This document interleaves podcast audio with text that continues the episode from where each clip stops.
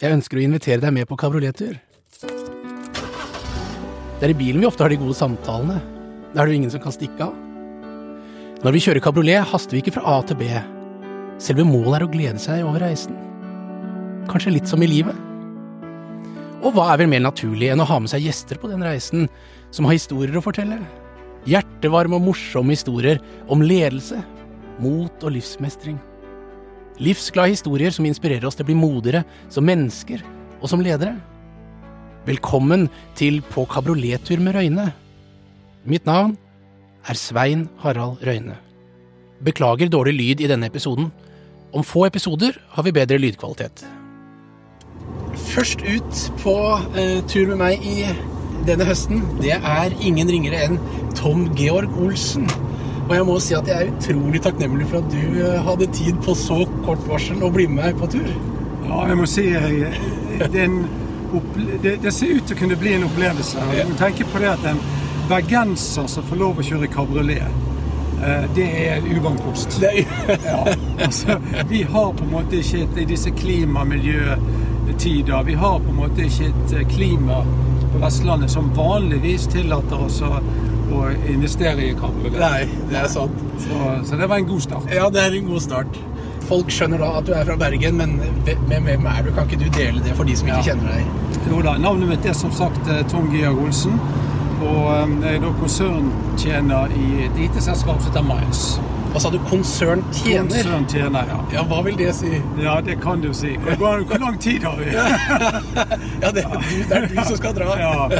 Jeg skal med fly til Bergen, da. Det er riktig opplysning om noe om en halvtime, times tid. Um, nei, konserntjener er en uh, tittel som, vi- som er en av titlene vi bruker innenfor det som gjerne kaller for tjenende ledelse. Servant leadership på engelsk. Og de som er leder i hvert av selskapene våre, har tittel daglig tjener, og jeg som jobber på tvers, jeg er da konserntjener. Du er konserntjener, ja. Så du, du er den som eh, har det øverste ansvaret. Eh, eller Ja, det vil si ansvaret er nok for så vidt eh, godt distribuert hos oss. da. Men eh, i hvert fall en av de som jobber på tvers på tvers av selskapene. Riktig. Ja. Og selskapet heter Miles. Miles Ja. og har base hvor? Eh, ja, det er både her og der, egentlig. Vi Ja. startet jo opp i Bergen i 2005. Ja. Men eh, i dag så har vi selskaper i Bergen, i Oslo, i Stavanger, i Mumbai, i Johannesburg og forholdsvis nylig i Vilnius i Litauen. Det er jo helt fantastisk. Ja, det har vært en fin reise. Vi har Ja. en 170-80 mennesker etter hvert. da. Jeg hadde jo hørt om deg før, og selskapet Miles, før jeg traff deg. Og jeg, eh, og jeg har til og med referert eh, gjentatte, eh, gjentatte ganger på mine lederkurs til selskapet og, og en del av de tingene dere gjør. Og dere, dere virker som en spydspiss med tanke på dette å skape god kultur i organisasjonen, jobbe rundt ledelse, jobbe rundt medarbeiderskap osv., som ligger så langt fremme at eh, en del organisasjoner og historiske eh, eller gamle organisasjoner nesten mister litt pusten bare med tanken på der dere ligger. Og jeg, jeg, kan ikke du fortelle litt liksom, hva er filosofien bak det dere gjør? For det er rett og slett fantastisk, syns jeg. Jo, takk for det. Eh, Det viktigste er vel at vi tror at, at hvis vi skal være bra for våre kunder, en bra aktør i markedet, så må de begynne innenfra. Og det som de ellers sier, at eh, du må ha det godt med deg selv for å være god for andre. Eh, Så, så vi har en filosofi som er veldig sånn eh, basert på at medarbeiderne skal, de rette medarbeiderne skal vi rekruttere, de skal trives, de skal utvikle seg. Og, og hvis vi klarer å få det til, så skaper de resultater for våre kunder. Ja, ja, ja. Så, så filosofien vår er mye opp, bygget opp på at vi har ikke budsjetter. Eh, Ikke budsjetter? Nei, ingen budsjetter. Og tenk hvor mange mennesker som blir glad for ja, det. ja, spesielt i disse tider, er august måned, når begynner budsjettprosessen. Eller denne gamingprosessen, som mange kaller det. Ja. eh, Som er et ørkesløs ressurssløsing.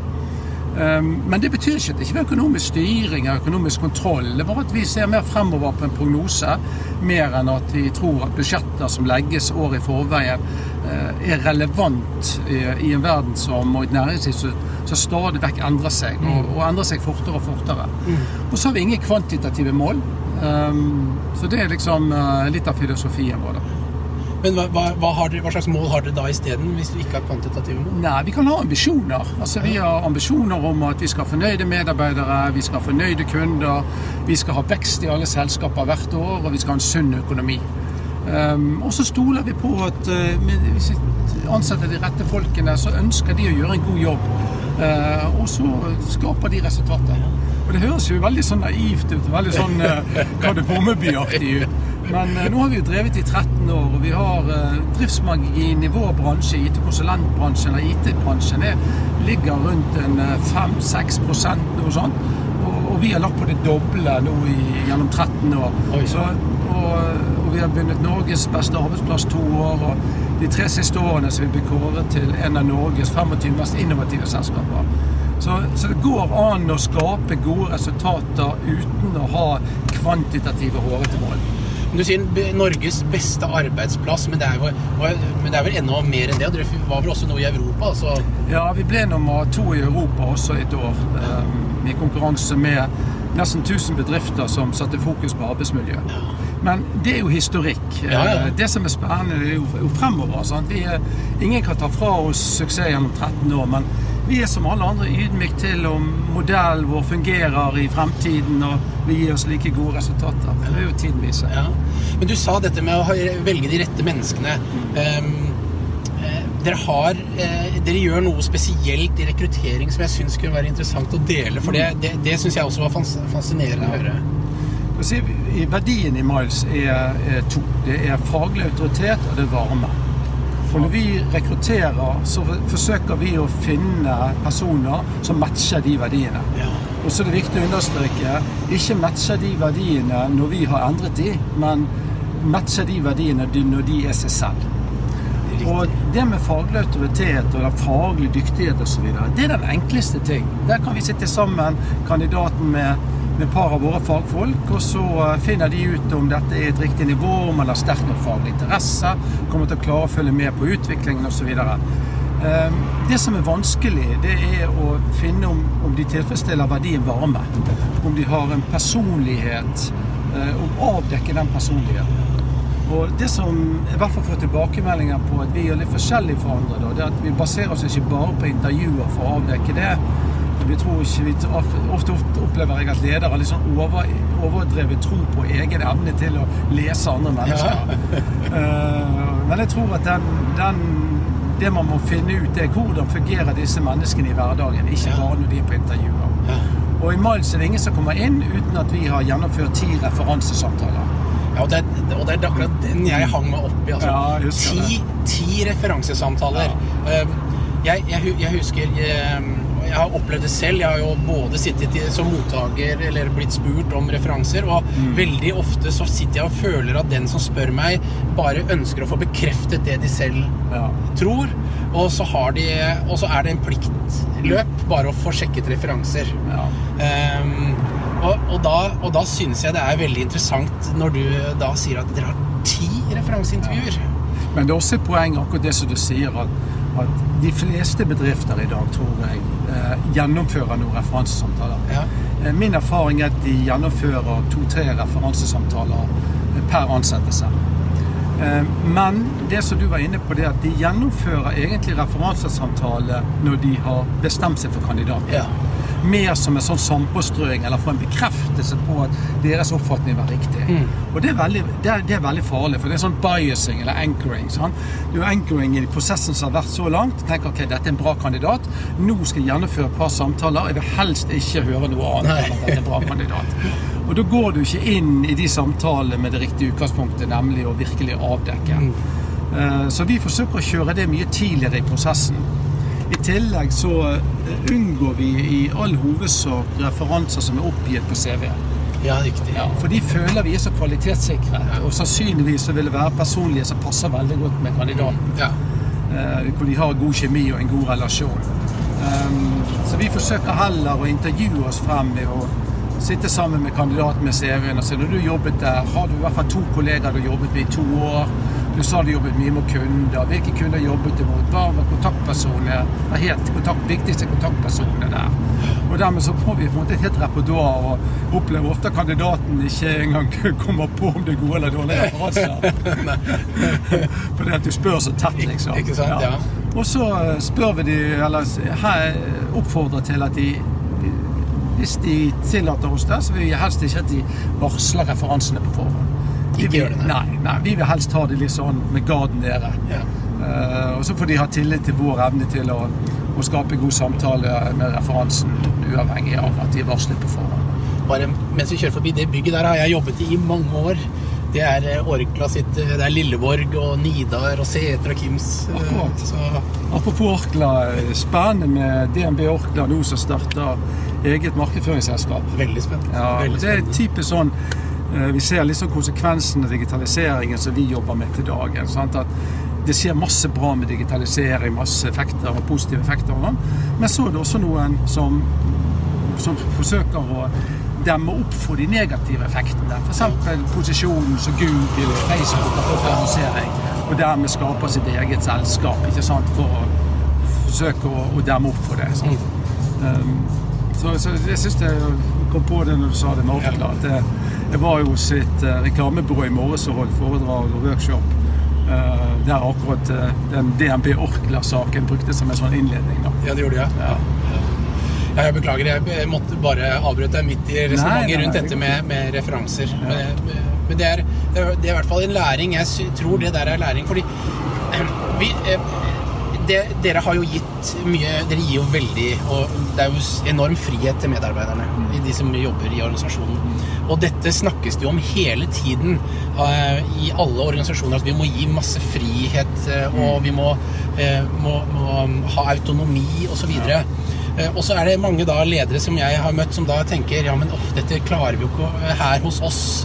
Um, og, og, og de har på en måte rett, fordi rekrutteringen har ikke vært på plass på forhånd. Så du må ha de riktige menneskene for å kunne ha en sånn kultur. Ja, men du får også de medarbeiderne du fortjener. Ja, okay. Eh, og det betyr at eh, eh, man, hvis man jobber sammen med folk noen år, så er det sånn at du danner deg et bilde av hvem de folkene er. ja. Men de folkene er ikke bare produkt av sin personlighet, det er også produkt av det regimet de jobber under. er. Så hvis de har jobbet under et regime som gir de lite tillit, Ja. så vil du kanskje oppleve at du har medarbeidere som tar lite ansvar. Det som jeg diskuterte bl.a. med dette selskapet var i morges, er at de har lyst til å gå gjennom en sånn endringsprosess og lurer på må vi kutte ut en del medarbeidere for liksom å, å eh, ja, eh, komme i gang med dette. Ja. Noen som ikke vil klare, tak, eh, klare endringen. Sier at, ja, det kan godt hende, men akkurat nå så ville jeg ikke tatt sjansen på å plukke ut de som ikke vil klare det. Nei. For det at du kan skape andre medarbeidere gjennom et annet regime. Veldig godt poeng. Og, og det, ja. Men, det er, men eh, dette er jo eh, altså En ting er rekruttering eh, som en del av deres kultur for å bygge en kultur, men, men hva med hva, hva, altså, Dere gjør så mye annet for å bygge en, en, en god kultur i selskapet. Ja, vi, vi tror jo på det at eh, Vi tror på relasjoner. Mm. Vi tror at det å bygge opp gode relasjoner mellom medarbeiderne, mellom oss og mellom kundene, har en stor verdi. Eh, relasjoner effektiviserer samhandling. Eh, og det å jobbe da med å gjøre relasjonene gode, er en viktig lederoppgave. Ja. Eh, Så annet, regner med det det du refererer litt til, så har vi sånn 15-20 sosiale arrangementer i året i hvert selskap. Der eh, med litt mer enn halvparten av disse så er det kun kollegaer. Og litt under halvparten så drar vi inn ledsagere, barn, altså familie. Ja. Og det er fordi vi ønsker å bygge relasjoner hjem til middagsbordet. Det skal være bra å jobbe i Miles. eh, det skal være bra at en i familien jobber i Miles. Eh, og jeg tror det er god bedriftsøkonomi også. Jeg har opplevd noen ganger at annet en gang var det en medarbeider som, som sluttet. eh, og jeg tror siste arbeidsdag var tilfeldigvis 31-12 et år. da. Og i januar måned så ringte ledsageren meg, eller konen da, Og bare for å si beklager så sterkt at mannen sluttet. Eh, og hun hadde holdt den igjen i to år, for det var en sånn jobb han hadde så lyst på. Men nå måtte hun gi slipp, da. Og lurte på om hun selv kunne av og til få komme innom. Eh, og da tenker jeg at det er både, det er både herlig, det er varmt, det er alt det, men det er også god bedriftsøkonomi og, og, og måte å holde på folk. Da. Selvfølgelig. Ja. Du ja. litt sterkere bånd. Men, men du får, jeg, jeg hørte en gang Du fortalte det at eh, en gang i året så har dere også et arrangement for partnere hvor da faktisk de medarbeiderne som jobber i organisasjonen, ikke får lov å være med. Ja, det er faktisk en ny greie, og jeg skal ikke ta æren for det. Det er er Henriksen, som er da daglig tjener for, eh, for Miles i Bergen. Ja. Hun eh, arrangerte i fjor eh, noe som at det er verdens første arrangement av den typen, nemlig et bedriftsarrangement eh, hvor ikke bedriftens ansatte er med. Men det er kun ledsagerne, og så selvfølgelig henne, da. Hvis ikke så hadde det ikke gitt noe mening. Um, og, og da fikk vi jo stort oppslag i avisen i Bergen da på litt sånn sy syk måte å drive, drive bedrifter på, ta med ledsagerne. Men det, det morsomme med det var at jeg holdt et, um, et foredrag på et retorikkurs uh, litt i etterkant av dette. Begynnelsen av, begynnelsen av dette året, tror jeg. Dette var i, i, november, oktober-november i fjor. Så det er en ganske ny greie for oss også. Vi har jo alltid hatt med lesere. Vi har ikke hatt, sånne rene ledsagerarrangement. Nei, ok. Og så hadde jeg foredrag på dette retorikkurset, og så hadde jeg tatt uh, avisutklipp da, og laget en slide av det eh, om dette arrangementet. da. Så sitter en eh, i dette, på dette kurset da, ser at jeg sånn spørrende ut i blikket. Og uh, reiste opp fingeren i været da, og, og, sånn, og spurte ja, men har du tenkt på mulige konsekvenser av dette? Og jeg er normalt sånn at jeg, jeg takler spørsmål bra på, på sparket, sånn, hvis derfor det er innenfor mine fagområder Ja, ja. Men det blir, blir litt sånn svar skyldig, på en måte. Sånn, ja, hva mener du med konsekvenser, liksom? Ja, det kunne jo tenkes at noen av ledsagerne fant hverandre. og da må jeg innrømme sånn Nei, det har jeg ikke tenkt på. Så du kan finne potensielle negative konsekvenser med det meste. Ja, med det meste. Ja. Ja, ja, det er helt sikkert. Men, er, men er det andre sånn nøkkelgrep du mener eh, har gjort at dere skiller dere fra, fra andre selskaper og får denne lojaliteten blant medarbeiderne og den gode scoren og arbeids- og tilfredsheten? Ja, det er sikkert, altså, jeg, jeg vil si sånn at det er, det er kanskje få enkeltting som er sånn revolusjonerende. Men jeg tror det som man, man eh, Skal man oppnå dette, så tror jeg én ting er å ha en filosofi. Altså en grunntanke som vi tror på. En måte å drive selskap en måte å utvikle medarbeidere på som vi virkelig tror på genuint. Ja. Ikke noe vi påtar oss, men som vi virkelig tror på. Og så er det å egentlig være utrolig detaljert i implementeringen. Sånn at det ikke er sånn Ja, vi gjør det, og dermed så faller det på plass. Vi gjør sikkert hundrede små detaljer, så alle i sum støtter opp under denne filosofien. Og bare sånn enkeltting, litt sånn operating ting, som eksempel eh, i en sånn bedrift som vår, så alle velger selv hvilke konferanser de skal dra på. Innland, utland og hvor mange i året. De bestemmer selv når de skal kjøpe seg ny PC og hva den skal koste. De bestemmer selv når de skal skifte ut mobiltelefon. De trenger ikke gå til noen leder og be om aksept. Og i Og, tillegg og så hvordan kan du få det regimet til å funke? Da kunne du jo bytte hele tiden. Ja, det kunne du. Hvis du, hvis du tror at du har medarbeidere som vil utnytte det systemet. Og mange vil ikke innføre det fordi at de tror at noen vil misbruke det. Ja. Og da blir det som min venn Bjarte Boksnes som i Equinor, som også driver dette Beyond Budgeting Institute, sier så fint at ja, det fins kriminelle i samfunnet, men vi setter ikke hele befolkningen i fengsel eller lenger. Ja? Jeg syns det er veldig godt uttrykk. Det er et fantastisk Ja, for det det vil alltid være, spesielt hvis organisasjonen blir stor, at noen misbruker den tilliten. Ja. Eh, Men da får man håndtere det. Man abdiserer ikke som leder fordi man innfører tillitsbasert ledelse. Nei. Da får du sitte deg ned med de personene da og spørre hvordan de har tenkt, Mm. og forsøke å forstå. Um, men, også- men den andre siden av dette er at alle disse beslutningene på hvilke konferanser du drar på, hvilke PC du kjøper, kan koste, mobil etc. Alt ligger åpent på internettet for alle til å se. Riktig. Så Så, dermed så har du full transparens. og da blir det en selvdisiplin selvdisiplin på en måte også? Ja, vi tror jo i hvert fall at om ikke det blir bare selvjustis men, men det er jo også en informasjonsflyt. Du kan se hva kollegaene kjøper, du kan se hva konferanser de drar på.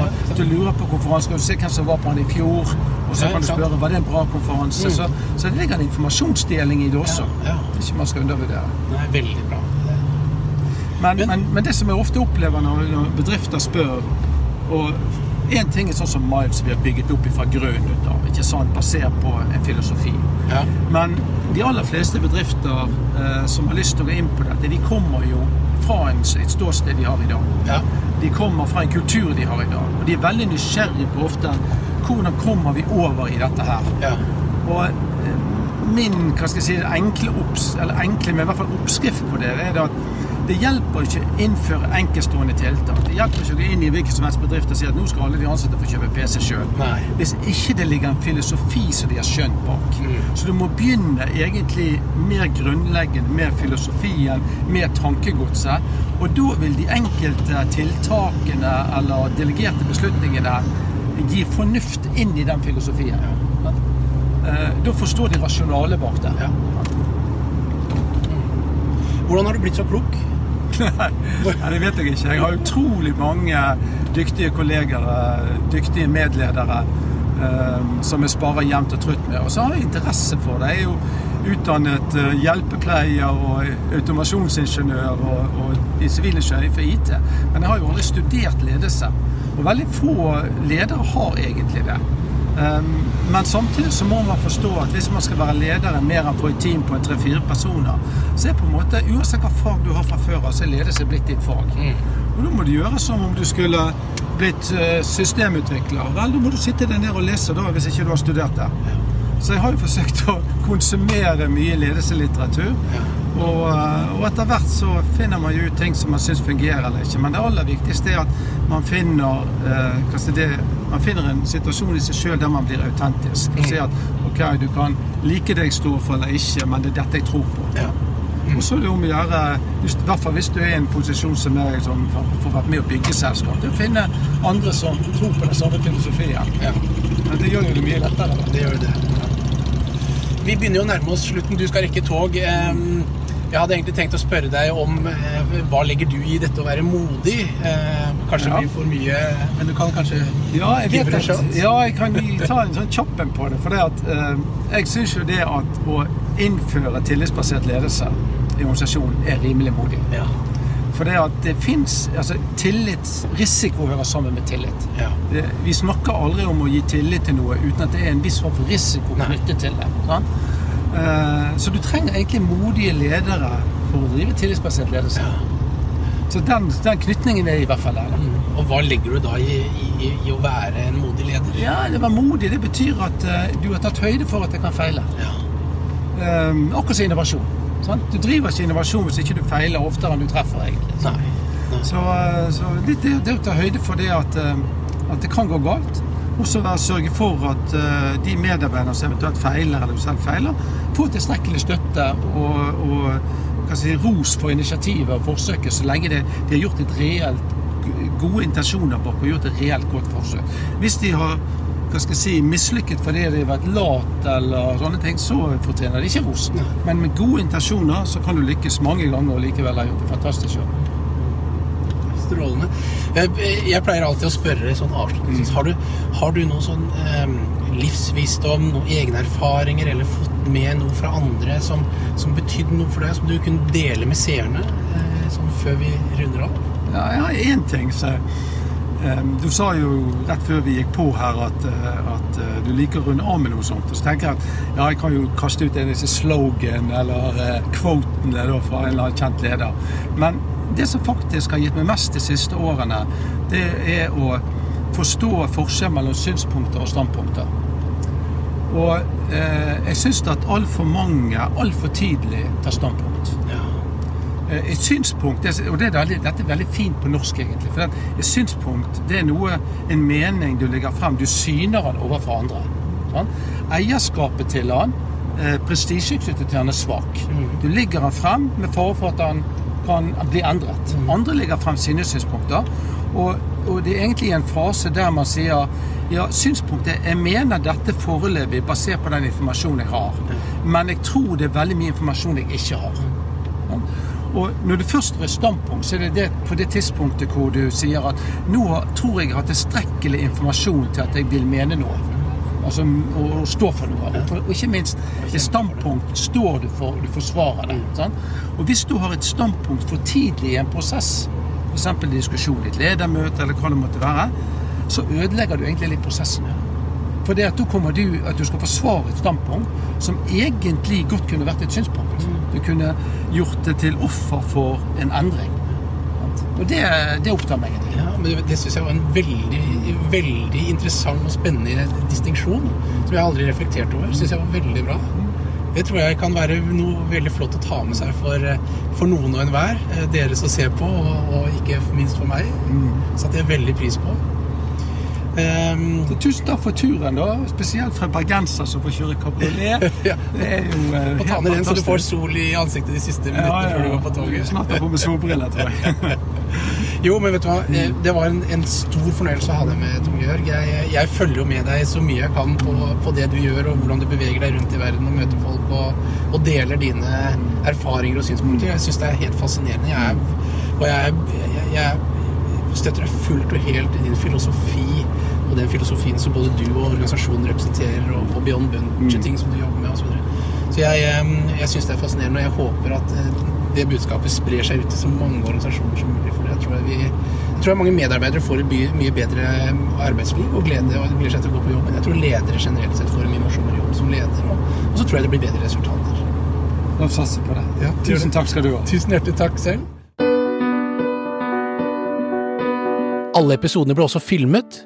Hvis du har lyst til å se videoene, finner du de og meg på sveinharaldrøyne.com.